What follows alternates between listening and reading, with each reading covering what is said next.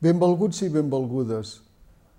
Quan érem petits i podíem haver una petxina de mar d'aquelles cargolades, ens l'acostàvem a l'orella per sentir el mar. Per als que no érem de vora mar, aquella remor sorda i silenciosa produïa una impressió d'immensitat i de soledat a la vegada. Feia besarda i al mateix temps atreia una mena de misteri, el misteri del mar. Si mireu el treball de Càritas, sobretot el realitzat el darrer any, agreujat per la pandèmia, també sentireu el mar. Sentireu el misteri de la soledat de la persona humana i el misteri de la caritat de Déu, la besarda de la pobresa i l'atracció de l'amor. Escoltareu el misteri del mar. Enguany, la campanya de Càritas s'ha trobat emmarcada per la crisi sanitària, social i econòmica que ha provocat la pandèmia.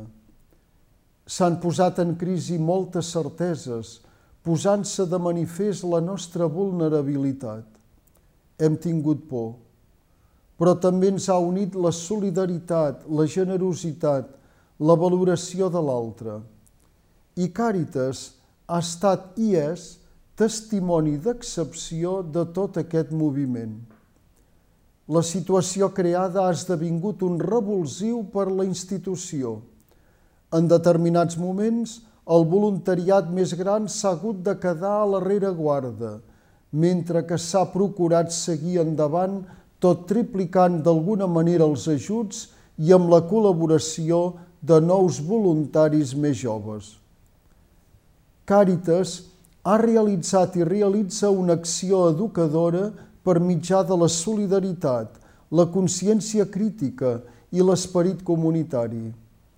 Hi ha un compromís de dur a terme un treball educador des d'una òptica evangèlica en aquests tres nivells. En primer lloc, solidaritat. Càritas la té en compte quan descobreix les manifestacions de pobresa i de marginació que ens envolten, quan sent com a pròpies les situacions de tantes persones necessitades i de molts grups, quan es posa al costat de tanta gent que no té qui la tengui o que no poden fer sentir la seva pròpia veu, quan mira de resoldre unes situacions extremes que són qüestió de supervivència. En segon lloc, consciència crítica. Càritas informa de les necessitats que ha descobert i de les persones que ha hagut d'atendre.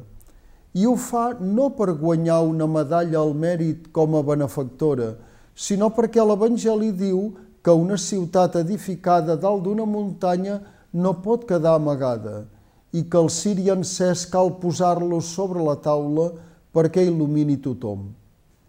La informació de Càritas és una veu que denuncia i un dit que acusa els mateixos cristians, les entitats privades i públiques, els organismes oficials, com de poc temps per solucionar certs problemes o situacions no rendibles.